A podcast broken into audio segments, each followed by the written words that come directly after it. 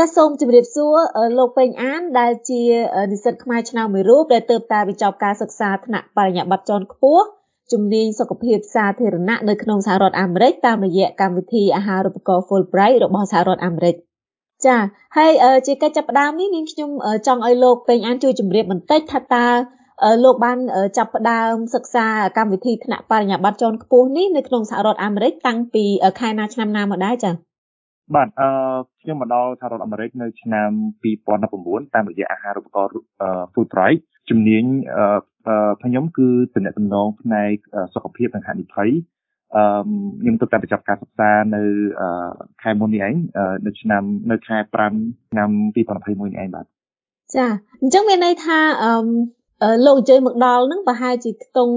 ខែ8ឬក៏ខែ9ក្នុងឆ្នាំ2019ត្រូវទេចាបាទបាទ មានន័យថានៅពេលដែលលោកមកអាមេរិកនេះសិក្សាបានប្រហែល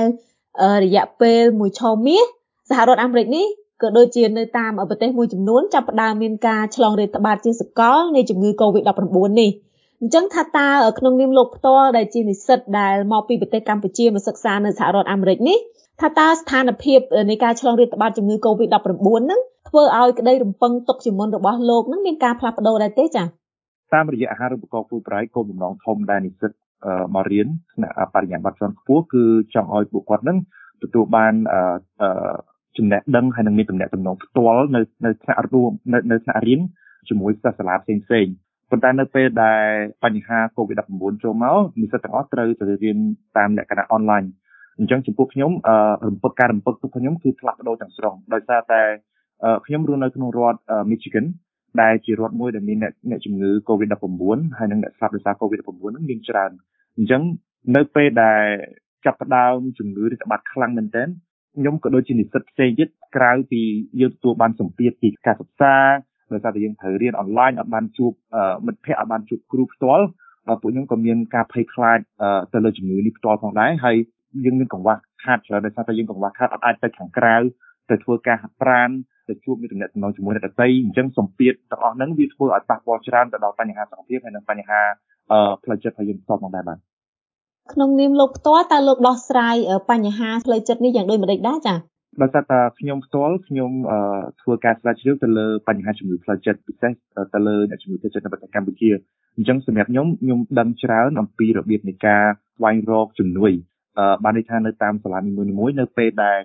ជំងឺ Covid-19 ចាប់ផ្ដើមរីករាលដាលខ្លាំងនៅតាមសាលាគាត់ចាប់ផ្ដើមមានលក្ខណៈជាក្រុមមួយដែលគាត់ផ្ដល់ជំនួយឲ្យសិស្សក្នុងករណីប្រសិនបើគាត់មានបញ្ហាជំងឺផ្លូវចិត្តធ្ងន់ធ្ងរគាត់អាចទៅនិយាយឬក៏ប្រឹក្សាជាមួយអ្នកណាដែលអត់គិតថ្លៃជាដើមសម្រាប់ខ្ញុំផ្ទាល់ខ្ញុំខ្ញុំព្យាយាមមានការបត់បែនច្រើនក្នុងនាមយើងជានិស្សិតមករៀននៅ នៅប្រទេសក្រៅមិនថានៅសហរដ្ឋអាមេរិកក្តីការដែលយើងមានភាពបត់បែនគឺជារឿងដែលសំខាន់បានន័យថាពេលខ្លះយើងមានការរំពឹងច្រើនប៉ុន្តែការរំពឹងនឹងអាចរំពឹងទុកថាយើងអាចផ្លាស់ប្ដូរមួយវិនាទីដោយសារតែបញ្ហាអីមួយឧទាហរណ៍ចាប់ផ្ដើមចេះទទួលយកនឹងការពិតបានន័យថាជំងឺគឺវាមានរិទ្ធបត្តិខ្លាំងមែនអញ្ចឹងយើងត្រូវចេះទទួលយកការពិតយើងចេះចាប់ផ្ដើមបត់បែនការរស់នៅរបស់យើងត្រូវចំណាយពេលក្នុងបន្ទប់ច្រើនបានន័យថាបន្ទប់គេងរបស់យើងមិនមែនតែជាបន្ទប់គេងរបស់យើងទេវាខ្លាចទៅជាកន្លែងដែលយើងរៀន កន្លែងដែលយើងជួបជាមួយនឹងមិត្តភ័ក្តិតាមរយៈអនឡាញកន្លែងដែលយើងធ្វើ research បន្ទប់ទូចមួយហ្នឹងវាខ្លាចទៅជាជីវិតរបស់យើងផ្ទាល់តែម្ដងអញ្ចឹងការបត់បែនហ្នឹងវាលំបាកប៉ុន្តែខ្ញុំព្យាយាមដោយសារតែគោលគំនិតរបស់ខ្ញុំហើយនឹងចក្ខុវិស័យរបស់ខ្ញុំធ្វើមិនឲ្យខ្ញុំរៀនចប់ហើយទទួលយកចំណេះដឹងហើយត្រឡប់ទៅផ្ទះវិញអញ្ចឹងគោលគំនិតហ្នឹងគឺជា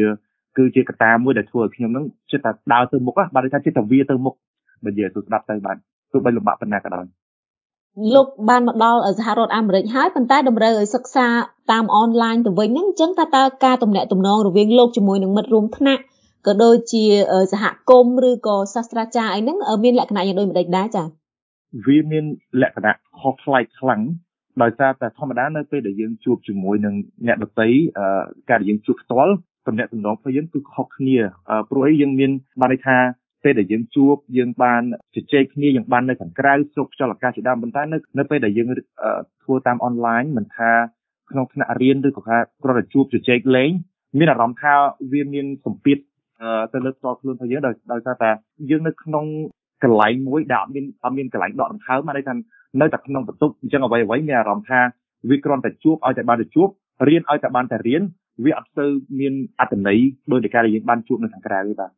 ចុះតកតងទៅនឹងដំណើរកំសាន្តវិញ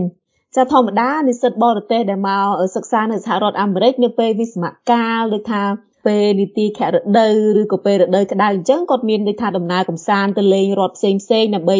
ស្វែងយល់បន្ថែមពីវប្បធម៌នៅក្នុងសហរដ្ឋអាមេរិកនេះចុះចំណែកលោកពេញអានវិញតើមានពេលបានចំណាយពេលដូចថាធ្វើដំណើរកំសាន្តនេះដែរទេក្នុងអំឡុងពេលដែលមានជំងឺរាតត្បាតយ៉ាងដូចនេះចា៎ក្នុងកំឡុងពេលហ្នឹងខ្ញុំអត់បាន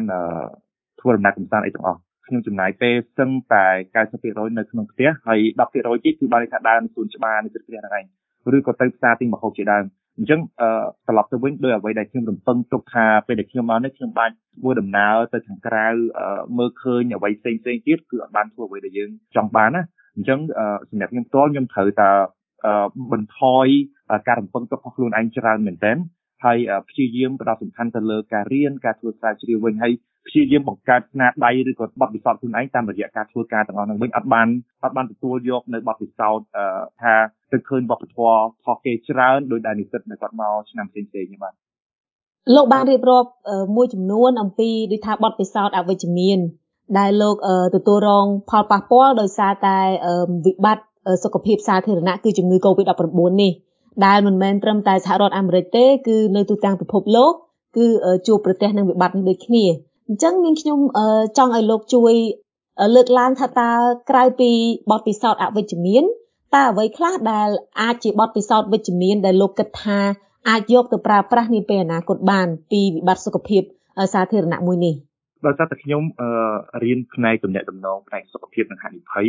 មានផលវិជ្ជមានជាច្រើនដែលខ្ញុំទទួលបានតាមរយៈរស់នៅនៅក្នុង ហានិភ័យធំមួយនេះគឺ COVID-19 នឹងផ្ទាល់បានន័យថាខ្ញុំទទួលយកបទពិសោធន៍ផ្ទាល់បានន័យថាជាឧទាហរណ៍ផ្ទាល់អំពីបញ្ហាសុខភាពធំមួយរស់នៅក្នុងឧទាហរណ៍នឹងតែម្ដងដែលយល់ដឹងអំពីពាក់ព័ន្ធទៅនឹងតើយើងធ្វើបែបណាដើម្បីជួយប្រជាជនឲ្យទទួលបានព័ត៌មានពិតប្រាកដទៅលើជំងឺណាមួយឬក៏ធ្វើរបៀបណាដើម្បីឲ្យគាត់ពុំមានភាពភ័យខ្លាចច្រើន ឬក៏ធ្វើបែបណាដើម្បីឲ្យគាត់ទទួលយកវ៉ាក់សាំងជាដើមអញ្ចឹងដោយសារតែមុខវិជ្ជាខ្ញុំត្រូវទៅនឹងអ្វីដែលហានិភ័យកំពុងតែកើតឡើងអញ្ចឹងវាជាឧទាហរណ៍ដែលល្អមួយដែលជាឧទាហរណ៍ដែលខ្ញុំអាចនឹងប្រើប្រាស់សម្រាប់ហានិភ័យដែលស្មាត់ទោសបើសិនជាអាចនឹងបើសិនជាកើតមានឡើងទៀតនៅថ្ងៃអនាគតជាដើមនឹងជាផលវិជ្ជមានមួយទៅលើការរៀនសូត្រផលវិជ្ជមានមួយទៀតគឺដោយសារតែខ្ញុំអត់អាចចេញទៅក្រៅច្រើនអញ្ចឹងខ្ញុំមានពេលច្រើនសម្រាប់ស្វែងយល់ពីខ្លួនឯងមានពេលច្រើនសម្រាប់ធ្វើការស្រាវជ្រាវ ហើយមានពេលច្រើនសម្រាប់បានន័យថាផ្ដោតសំខាន់ទៅអ្វីដែលជាគោលបំណងធំនៅក្នុងជីវិតរបស់ខ្ញុំឧទាហរណ៍ថាបញ្ចប់ការសិក្សាឬក៏បង្កើតស្នាដៃផ្សេងៗទៀតសម្រាប់ខ្លួនឯងផលវិជ្ជមានមួយទៀតគឺការដែលខ្ញុំអាចបង្រៀនខ្លួនឯងឲ្យចេះបត់បែនឲ្យចេះកាត់បន្ថយការរំពឹងទុករបស់ខ្លួនឯងខ្ញុំគិតថាទាំងអស់ហ្នឹងគឺជាកត្តាសំខាន់មួយចំនួនអឺដែលជួយខ្ញុំទៅថ្ងៃមុខទៀតហើយអ្វីមួយទៀតគឺស្វែងយល់អំពីបញ្ហាផ្លូវចិត្តរបស់ខ្លួនឯង ហើយនៅពេលដែលមានបញ្ហាផ្លូវចិត្តតើគួរធ្វើបែបណាស្វែងរកជំនួយជាដើមទាំងអស់នោះសិតតែជាមេរៀនសំខាន់សំខាន់ដែលខ្ញុំគិតថាអាចនឹងប្រើប្រាស់សម្រាប់ជីវិតនៅថ្ងៃខាងមុខទៀតតាមរយៈការរស់នៅនៅក្នុងកំឡុងពេល COVID-19 នេះផ្ទាល់បាទនាងខ្ញុំដឹងថាលោកពេញអានក៏មានទំព័រ Facebook មួយ ដែលមានឈ្មោះជាភាសាអង់គ្លេសថា Thinking with ពេញអានឬក៏ជាភាសាខ្មែរថា គិតជាមួយពេញអានតើលោកបានចាប់ផ្ដើមបង្កើតទំព័រ Facebook នេះតាំងពីពេលណាដែរហើយតើក្នុងគោលបំណងអ្វីដែរបាទអរគុណអឺខ្ញុំចាប់ផ្ដើមបង្កើតទំព័រ Facebook គិតជាមួយពេញអាននៅឆ្នាំ2018គោលបំណងធំរបស់ខ្ញុំគឺបង្កើនការយល់ដឹងទៅលើជំងឺមិនជំងឺមិនឆ្លងហើយនឹងលើកកម្ពស់បញ្ហាជំងឺលើកកម្ពស់ការយល់ដឹងទៅលើបញ្ហាជំងឺផ្លូវចិត្តនិង នឹងលើកទឹកចិត្តវិជាប្រជាជនខ្មែរទៅលើបញ្ហាប្រធានបទផ្សេងៗជាដើមហើយខ្ញុំចាប់ផ្ដើមដំបូងនៅក្នុងទំព័រ Facebook របស់ខ្ញុំដំបូងគឺនិយាយអំពីប្រធានបទនេះគេហៅថាបរោះគួរតែនិយាយអំពីសុដនស្ត្រីឲ្យច្រើនជាងនេះដែលផ្ដោតសំខាន់ទៅលើការលើកកម្ពស់បងបងដែលគាត់ជាបរោះមិនថាជាប្តីមិនថាជាបងប្រុសដើម្បីឲ្យគាត់ជជែកនឹងលើកចិត្តអឺ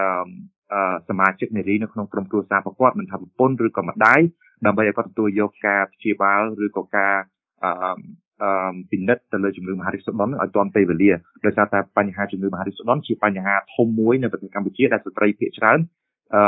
អឺដែលគាត់ទៅដល់មន្ទីរពេទ្យហ្នឹងគឺទៅដល់កម្រិតដែលធ្ងន់ធ្ងរទៅហើយអញ្ចឹងបានខ្ញុំចាប់ផ្ដើមហើយបានចាប់ផ្ដើមនិយាយអំពីប្រធានបទផ្សេងផ្សេងដូចជាជំងឺទឹកនោមផ្អែមឬក៏ជំងឺផ្លូវចិត្តជាដើមបាទចាអញ្ចឹងនៅពេលដែលលោក ត្រឡប់ទៅប្រទេសកម្ពុជាវិញនៅថ្ងៃអនាគតតើលោកមានគម្រោងនឹងធ្វើអ្វីបន្តទៀតដែរចា៎បាទអឺសប្តាហ៍ថ្ងៃការស្រាវជ្រាវរបស់ខ្ញុំជាមួយនឹងសាកលវិទ្យាល័យ Michigan State University គឺផ្ដោតសំខាន់ទៅលើការជួយអ្នកជំងឺផ្លូវចិត្តដែលគាត់ត្រូវបានក្រុមគ្រួសារដាក់ច្រវាក់ឬក៏ដាក់នៅក្នុងទ្រុងជាដើមអឺអញ្ចឹងពេលដែលត្រឡប់ទៅវិញហ្នឹងខ្ញុំនឹងបន្តធ្វើការស្រាវជ្រាវទៅលើបញ្ហាហ្នឹងហើយបង្កើតជាគម្រោងមួយចំនួនដើម្បីជួយទៅកាន់ អ្នកជំងឺដែលគាត់ត្រូវបានក្រុមគ្រួសារចងទុកឬក៏ដាក់ក្នុងទ្រុងដែលគាត់មានជំងឺផ្លូវចិត្តធ្ងន់ធ្ងរហ្នឹងដើម្បីឲ្យគាត់ទទួលយកបាននៅការព្យាបាលត្រឹមត្រូវនិងព្យាយាមលើកកម្ពស់ការយល់ដឹងអំពីជំងឺនេះផ្ទាល់ទូទាំងប្រទេសតែម្ដងបាននេះគឺជាគម្រោងមួយនៅក្នុងគម្រោងមួយចំនួនទៀតដែលខ្ញុំត្រៀមនឹងធ្វើពេលដែលខ្ញុំត្រឡប់ទៅវិញបាទហើយជាចុងក្រោយនេះតើលោកពេញអានមានពាក្យពេចន៍អ្វីចង់ផ្ដាំផ្ញើទៅដល់ប្រជាជនកម្ពុជាក៏ដូចជា អឺដែលនៅក្នុងប្រទេសកម្ពុជាផ្ទាល់ឬក៏នៅជុំវិញពិភពលោកដែលកំពុងតែប្រយុទ្ធប្រឆាំងជាមួយនឹងជំងឺរាតត្បាតជាសកល COVID-19 នេះចា៎បាទសម្រាប់ខ្ញុំខ្ញុំមានចក្ខុវិស័យផ្សេងហើយអ្វីដែលខ្ញុំមើលទៅកាន់ពិភពលោកគឺផ្លាស់ប្ដូរមិនមែនដូចមុនខ្ញុំគិតថានៅពេលដែល COVID-19 ហានិភ័យនេះរាតត្បាតទូទាំងពិភពលោកយើងចាប់ផ្ដើមមើលឃើញថាគ្មានអ្វីដែលសំខាន់ជាងសុខភាព របស់ប្រជាពលរដ្ឋឬក៏សុខភាពប្រជាជនទាំងមូលទេអញ្ចឹងយើងត្រូវគួរតែរៀបចំឲ្យកាន់តែប្រសើរជាងមុនបានន័យថាយើងគួរតែវិនិយោគច្រើនជាងមុនទៅលើបញ្ហាសុខភាពទៅលើក្រុមគ្រូពេទ្យទៅលើមន្ទីរពេទ្យនិងការធ្វើការស្រាវជ្រាវជាដើមអញ្ចឹងដើម្បីឲ្យថ្ងៃក្រោយប្រសិនបើមានហានិភ័យផ្សេងយើងរៀបចំបានល្អជាងមុនហើយយើងអាចជៀសពីការស្លាប់របស់ប្រជាជនច្រើនជាងមុនដែរបាទហើយជាចុងក្រោយខ្ញុំគិតថាប្រជាជនមិនថាទាំងនិស្សិតខ្មែរ ដែលរៀននៅសហរដ្ឋអាមេរិកផ្ទាល់ឬក៏ប្រជាជននៅស្រុកណាក៏ដោយបញ្ហា COVID-19 ប៉ះពាល់ច្រើនដល់បញ្ហាផ្លូវចិត្តរបស់គាត់មិនថាបញ្ហាផ្លូវចិត្តទៅលើទាំងការរៀនបញ្ហាសេដ្ឋកិច្ចអីជាដើមអញ្ចឹងវាជារឿងដែលសំខាន់ដែលគាត់គួរស្វែងរកជំនួយដែលគាត់អាចប្រឹក្សាឬក៏ជជែកវែកញែកអំពីបញ្ហាទាំងអស់នោះបានដោយសារតែជំងឺផ្លូវចិត្តប្រសិនបើយើងមិនស្វែងរកជំនួយឲ្យបានទាន់ពេលវេលាទេវាអាចបង្កទៅជាបញ្ហាធ្ងន់ធ្ងរច្រើនជាងនេះដូច្នេះហើយ ខ្ញុំគិតថាប្រសិនជាគាត់មានបញ្ហាផ្លូវចិត្តដើមជាដើមនៅនៅស្រុកខ្មែររបស់យើងគាត់អាចទំនាក់ទំនងទៅអង្គការ TPO ដែលគាត់ផ្ដល់ការប្រឹក្សាដែលអត់គិតថ្លៃហ្នឹងហើយគឺជាកត្តាមួយចំនួនដែលខ្ញុំគិតថាយើងគួរតែព្យាយាមធ្វើដើម្បីឲ្យជីវិតយើងកាន់តែប្រសើរជាងមុនទោះបីយើងនៅរស់នៅក្នុងកំឡុងពេលហានិភ័យនេះក៏ដោយបាទចា៎នេះខ្ញុំសូមអរគុណដល់លោកពេងអានដែលបានចំណាយពេលវេលាដ៏មានតម្លៃផ្ដល់បទសម្ភាសន៍ដល់ VOA ចា៎សូមអរគុណសូមជម្រាបលាបាទសូមអរគុណសូមជម្រាបលាបាទសុខសប្បាយបាទ